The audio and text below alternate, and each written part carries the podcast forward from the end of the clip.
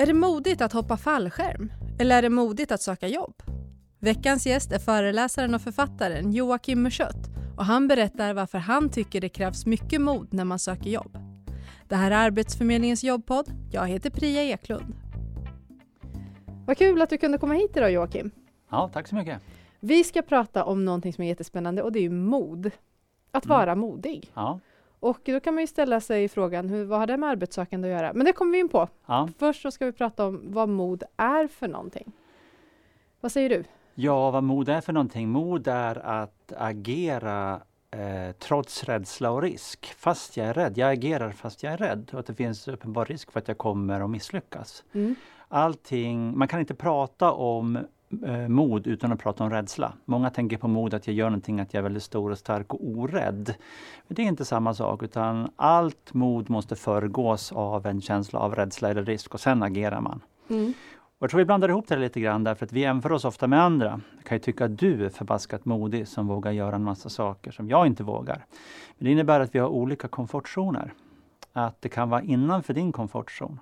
När du agerar, när du står och pratar inför människor till Mm. exempel. Så kan jag tycka, gud vad du är modig som vågar göra det där. Det är innanför din komfortzon. För dig är det ingenting. Men för mig så är det jätte, jag blir jätteskraj för att göra det där. Så att det är utanför min komfortzon. Så skulle jag göra det så skulle det vara mod. Men för dig är det inte det. Okej, så det kan vara olika från olika... För jag tänker ju att de som till exempel hoppar fallskärm. Ja. Jag är jättehöjdrädd. Ja. Jag kan knappt stå på en stol. Mm. Och tycker att de som hoppar fallskärm... Ja, men min första tanke är att det är bara korkat. Mm. Men det är ju i mitt huvud väldigt, väldigt modigt. Ja. Men i deras värld så är det bara, vadå? Det är en kul grej, eller? Det skulle kunna vara så, det vet vi ju inte. Vi känner inte de människorna. Nej. Men jag tror att vi lätt eh, eh, fäller omdömen om andra när vi ser dem agera. Man får tänka på att mod är alltid i individens tjänst, men behöver inte vara i människans. Ofta blandar vi ihop mod och empati. Vi tycker att det ska, när man gör någonting modigt så ska det vara i tjänsten, alltså i Eh, syftet ska vara att hjälpa någon eller att eh, göra världen bättre eller någonting. Och det skulle ju kunna, mod skulle kunna få de effekterna. Men man får inte blanda ihop mod med civilkurage. Där civilkurage alltid handlar om att stå upp för andra Mm. medan mod handlar om att stå upp för sig själv. Så mod, mod är en individuell muskel som växer när jag tränar. Och det kan mycket väl vara så att för den man hoppar fallskärm första, eller andra, eller tredje eller femte gången, vad vet jag, jag har inte gjort det, Mm. så krävs det en massa mod. Men när man har gjort det massvis med gånger, då, då, då är det ingenting längre. Mm. Men för mig eller för dig skulle det vara, jag skulle vara jätteskraj. Och det måste ju också bygga på att jag vill. Mod är ju inte att ge efter för vad andra tycker att jag ska göra, eller att ge efter för grupptryck. Utan det är att stå upp för sig själv och att agera fast jag är rädd. Agera trots rädsla och risk. Mm. Och du sa att man kan träna upp mod, eller? Ja, Hörde ja. jag rätt där? Ja, det kan Hur gör jag det? Ja, genom att utsätta sig för saker som man är skraj för. Mm. Ehm, vi tror ofta att, um, jag ska säga så här, vi, vi, vi är ju konstruerade vi människor för att söka trygghet. Så fort vi kommer nära utanför komfortzonen eller nära komfortzonens gräns så får vi ju en varning att du får bli rädda. Nu är du på väg att göra någonting nytt. Här finns en risk för att du kommer att misslyckas. Och om vi misslyckas så vi är ju också konstruerade, vi är ju primitiva rovdjur någonstans innerst inne i grund och botten, även om vi, är, vi har iPhones och vad vi nu har för något. Men i grund och botten är vi primitiva rovdjur som söker trygghet. Och misslyckas vi, då blir det uppenbart att vi är värdelösa. Och är vi värdelösa så kommer vi bli utstötta ur flocken och då kommer vi att dö. På ett eh, jag menar, intellektuellt plan så vet vi att så kommer det inte att vara. Mm. Men innerst inne tittar vi på alltså vår, vår ryggmärg och hur vi fungerar liksom rent primitivt så, så finns det en risk. Misslyckas vi så blir vi utstötta och då kommer vi att dö. Och om vi misslyckas och är värdelösa, då kommer också en känsla att drabba oss som är en, en av de värsta känslorna som vi kan känna och det är nämligen skam. Och om vi skäms, vi är beredda att göra vad som helst för att, för att slippa skämmas. Så att vi vill inte misslyckas, vi vill inte känna oss värdelösa, vi vill inte skämmas och vi vill inte dö. Eh, så därför är det otroligt obehagligt att vara modig. Men om vi utsätter oss för den här känslan, att vi utsätter oss för risker, att det finns en risk för att vi kommer att misslyckas, så, så märker vi att vi överlever. Vi märker att det är otroligt obehagligt, men att vi överlever. Mm. Och att bonusen är så pass stor med att göra det här. För att det är ökad självkänsla, ökad självförtroende, ökad framgång och att vi, vi känner att vi, vi, ehm, vi med våra egna, utan att behöva andras hjälp, kan verkställa ganska mycket saker i våra liv. Så att gör vi det här ofta, apropå träna, om vi gör det här ofta eh, så kommer den här komfortzonen att svälla, att öka. Eh, både vidgas på gränsen, eller på, på bredden så att säga. Och den, eh, själva hindret och komfortzonen kommer också sjunka. Det kommer bli lättare att, att gå över gränsen. Mm. Sen är det fortfarande obehagligt att vara modig. Men, men vi märker att vi överlever och tränar vi ofta på det här så blir vi bekväma i det obekväma. Så det som egentligen från början kräver mod kommer, om man tränar på det, inte kräva, det kommer inte krävas något mod för att utföra det, utan Nej. då är det liksom mer bekvämt. Och jag tänker att just, det är precis som allting annat, oavsett om du ska träna upp konditionen eller liksom träna upp någonting annat. Mm. Att ju mer du tränar desto bättre blir du. Absolut. Mm. Och eh, komfortzonen ökar, vi kommer att känna att det här var ingenting, gud vad jag, jag trodde att jag skulle bli, det här var ju, jag, jag lyckades med det här, nu tar jag nästa steg. Mm. Och gör jag det här ofta, då vidgas komfortzonen. Det finns ju på konsultspråk, jag är ju konsult och uh, gör man ingenting, om man inte utmanar sig själv, då blir man på konsultspråk det vi brukar kalla för fat and happy. Okay. Man sitter innanför komfortzonens trygga gräns och sen gör man ingenting. Uh, och man tycker snart att det är obehagligt kanske bara lyfta telefonen och ringa mm. en kund för man har inte gjort det på så länge. Och till slut så krymper komfortzonen så därför är mod alltså aktiv friskvård. Okay. Uh, är man modig och tränar upp det så mår man bättre. Mm. Om vi nu pratar om mod i relation till att söka arbete. Hur, hur är jag modig när jag söker jobb? Att söka jobb tänker jag för många är, är jobbigt. Mm. Väldigt jobbigt ja. överlag för att det är ju dels situationer runt omkring men det tar mm. mycket kraft, det tar mycket energi. Mm. Och jag tror inte att många har tänkt att Åh, men jag är modig för att jag söker jobb. Nej.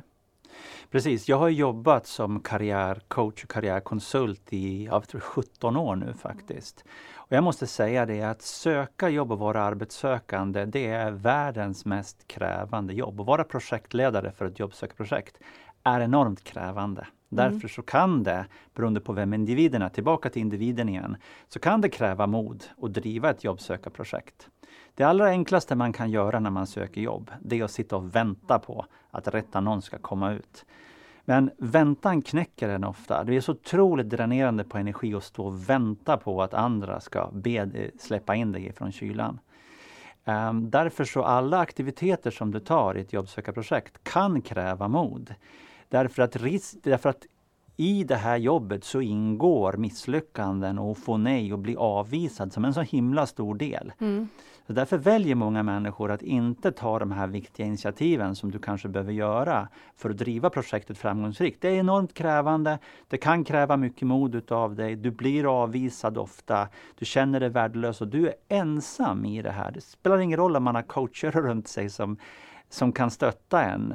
Innerst inne så vet jag ju själv har varit arbetslös att Eh, självkänslan kan minska, självförtroendet kan minska, man börjar ifrågasätta sig själv och man tittar runt på andra som man tycker verkar framgångsrika och så börjar, man, eh, börjar självförtroendet att minska.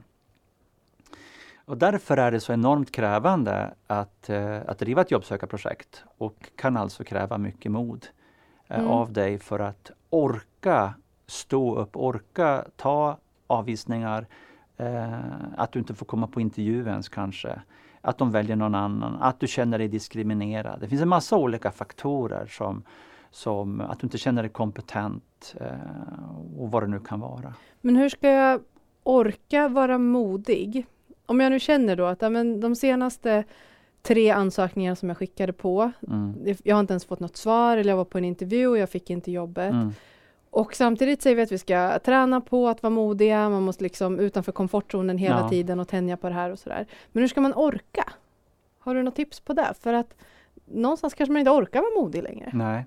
Och jag har fullt förståelse för det. Jag orkar själv inte vara modig hela tiden men jag skulle rekommendera för att man försöker springa i zigzag över gränsen på komfortzonen man kan inte vara utanför där hela tiden därför att det är enormt krävande utan man får gå utanför och göra någon form av insats. Man kan bestämma sig för att göra en modig sak per dag. och bestämma sig på morgonen att sätta upp någon form av agenda. Vilka är de tre modiga sakerna jag ska göra idag? Och så genomför man dem mm. eh, och bollar det tillsammans med någon, en som är i samma situation eller sin coach eller någon rådgivare som man har. Och också berätta om, situation, om sina rädslor. Välja någon person som man eh, har litat på.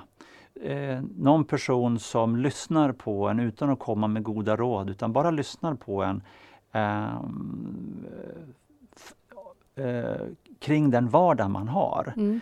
Och ett bra sätt att bli modigare är att prata om vad man skäms över, vad man tycker är jobbigt, varför man, vad man är rädd för, um, vad man tycker är svårt. För att, och den personen som man då nämner det här för eh, ska då vara sån som lyssnar och bara bekräftar. Och det normaliserar de här obehagskänslorna, för ofta tror vi att vi är ensamma om de här obehagskänslorna. Och vi delar, in, vi delar sällan känslor av skam, av rädsla och obehag med någon därför att vi tror att människor kommer tycka att vi är svaga då. Mm. Vi ska framstå som osårbara och framstå som, um, som starka i det här och därför så väljer vi att inte prata om känslor. Och jag menar det är tvärtom, att ju mer du kan prata om dina känslor, hur du mår och hur du känner och det du är rädd för, eh, dina farhågor och vad du skäms för att du inte fick komma på intervju, desto mer kan du normalisera det som alla vi människor känner i olika sammanhang och det gör dig starkare. Okay. Så hur ska du orka? Jag märker det är långa svar här, men hur ska du orka? Jag tänker att du väljer att vara modig tre gånger om dagen. Mm och väljer att stämma av det här med någon. Och sen när du går eh, till sängs på kvällen, då skriv dagbok. Det är ett väldigt bra sätt att hantera oro på. Skriv ner tre, tre saker som du har gjort idag som du var modig för. Och hittar du inga, eller du orkar inte vara modig just idag, skriv ner tre saker som du är tacksam över. Okay. Det kan vara små saker som du är tacksam över. Det kan vara en god lunch som du åt eller ett leende som du fick av någon eller att du skrev ett bra brev eller vad det nu är. Det, det viktiga är att ha fokus på saker som, som är bra. Eh, det är ett bra sätt att träna på. Mm. Men om vi tar ett konkret exempel mm. där man eh, verkligen är modig. Det är ju till exempel då spontanansökningar. Mm. Det krävs ju väldigt mycket mod eh, utifrån det vi har pratat om. Ja. Att Eh, skriva en spontanansökan. En spontanansökan det är alltså ett CV personligt brev till en arbetsgivare som inte har annonserat ut mm. efter en tjänst utan mm. där jag faktiskt ska försöka sälja in mig själv så att de vill träffa mig och mm. kanske skapar en tjänst eller att de inser att ja, men den här kompetensen behöver vi. Ja. Och hur ska jag tänka kring det? Ja. Hur, liksom kring, när det gäller just det här med mod, ja men det krävs mod för att jag behöver ta ett steg utanför mm. komfortzonen. Men ja. vad kan vi säga mer om det? Och det finns massvis att säga om spontanansökan. Vi ska ju ha ett helt webbinarium om det. Men kort vill jag säga om det att för det första så eh, måste man skilja på spontanansökan och intresseanmälan. Att mm. ofta står det på företags hemsidor, vi tar emot spontanansökan, fyll i här.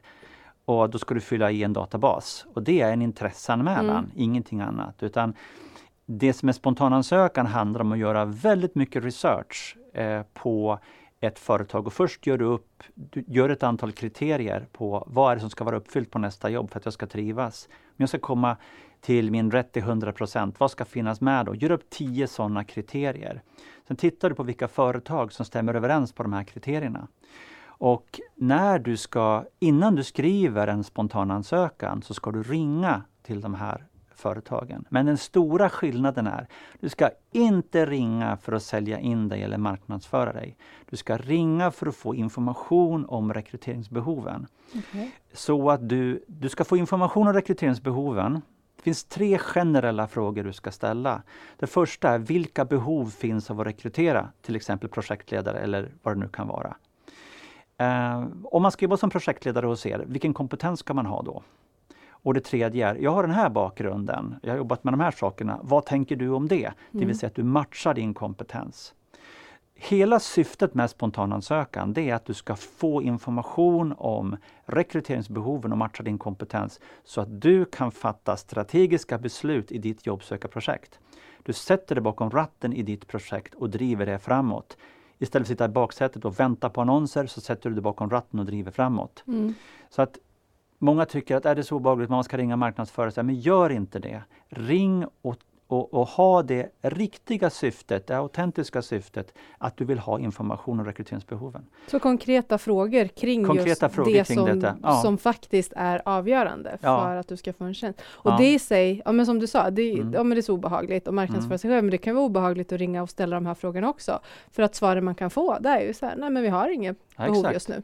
Vi har inga behov just nu, det är riktigt, så kan det vara. Men och det, det, måste man också liksom kanske vara förberedd på, att ja. det här kan komma. Mm. Och det är där modet är, att jag ringer trots att jag faktiskt kan få det här svaret. Precis, jag vet att man har haft eh, alltså tävlingar med säljare som har tyckt att det varit obehagligt att ringa. Man har sagt att den som först kommer till 50 nej får en bonus.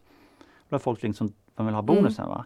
Men när jag håller, jag håller ju workshops kring spontanansökan och gjort det i många, många år med väldigt gott resultat och folk får intervjuer och så vidare. Men det beror på att alltså vi är så vana vid att ringa telefonförsäljare till oss mm. och de har alltid en dold agenda.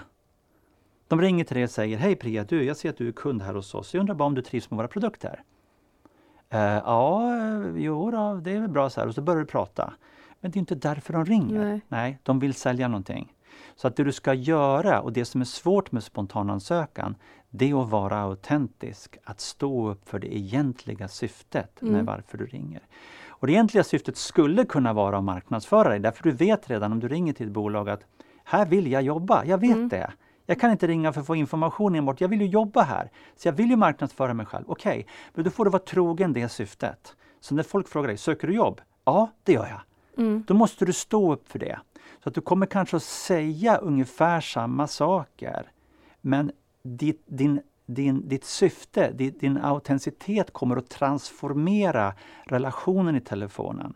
Och folk är vana att bli manipulerade av säljare i telefonen. Och Det är precis det som är skillnaden. Och du kan hitta ett autentiskt syfte. Och jag menar oftast behövs syftet vara att du ska få information om rekryteringsbehoven så att du kan fatta strategiska beslut i ditt jobbsökarprojekt. Därför att när du gör upp en jobbsökarplan så har du flera olika mål. Va? A som är önskejobb, B som är okej-jobb och C som kanske är försörjningsjobb. Ja, men om du har en begränsad tid på, men dina pengar räcker inte hur länge som helst, mm. så måste du få information om önskejobben för att kunna veta, okej, okay, här har vi kanske 30 arbetsplatser som skulle kunna passa mig. Eh, 15 av dem har inga behov. Eh, tio av dem kanske kommer att rekrytera, men senare någon gång. Fem av dem kommer att rekrytera i höst. Ja, då är det dem jag ska skicka spontanansökan mm. till.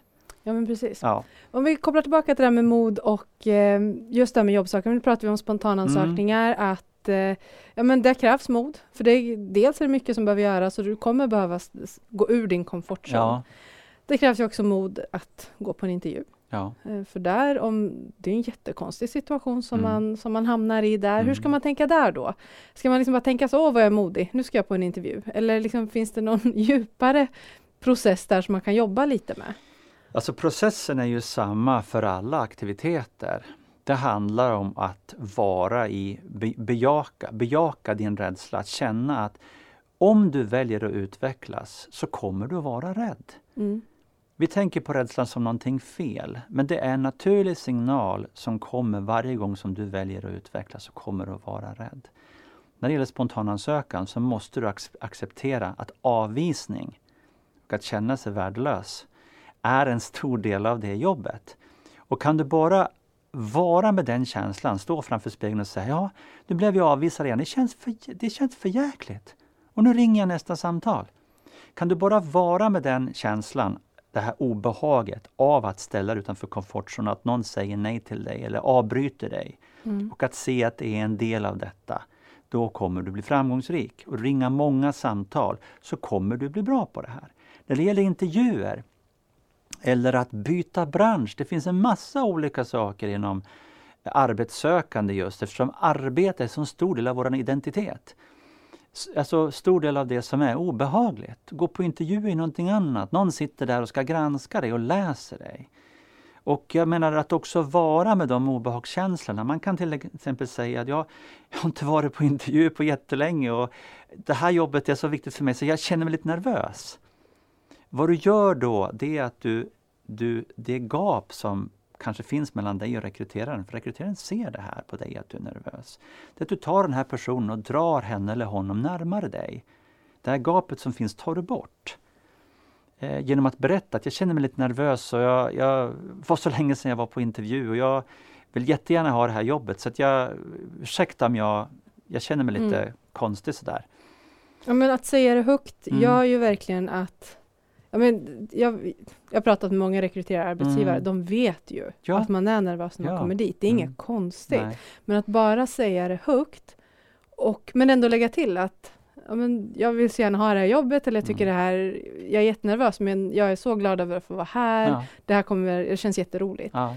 Så lättar man väldigt mycket på nervositeten mm. och om vi återkopplar till det här med mod, det är väldigt modigt att kunna säga något sånt också. Att verkligen ja, visa sig själv sårbar. Ja. Att eh, nej men jag är ingen robot utan det här känns lite obehagligt men jag tycker att det ska bli roligt. Precis, man, ska, man måste också skilja på att vara sårbar och att vara svag. Ofta så kopplar vi ihop det, jag ska visa mig svag och så vidare. Det finns ju ingenting, jag tycker inte att det finns någonting attraktivt med det. Däremot att vara sårbar. Mod och sårbarhet är samma sak. Och att sårbarhet är att välkomna risk. Det är att öppna sig för risk. Medan svaghet är att skygga för risk det är att låtsas om som att det här inte finns. Det är att försöka dölja att jag har känslor. Alla de här sakerna som att bejaka att du är människa. Eh, framförallt i en miljö där du riskerar att bli kritiserad för den du är, är modigt. Med de orden så vill jag tacka dig för att du kom hit till Tack den här podden. Mycket. Tack. Du har lyssnat på Arbetsförmedlingens jobbpodd med mig Priya Eklund och veckans gäst Joakim Muschött. Inspelningsansvarig var Mikael Johansson. Nästa vecka är Jobbpodden tillbaka och då handlar det om hållbarhet och utbrändhet. Vi hörs då.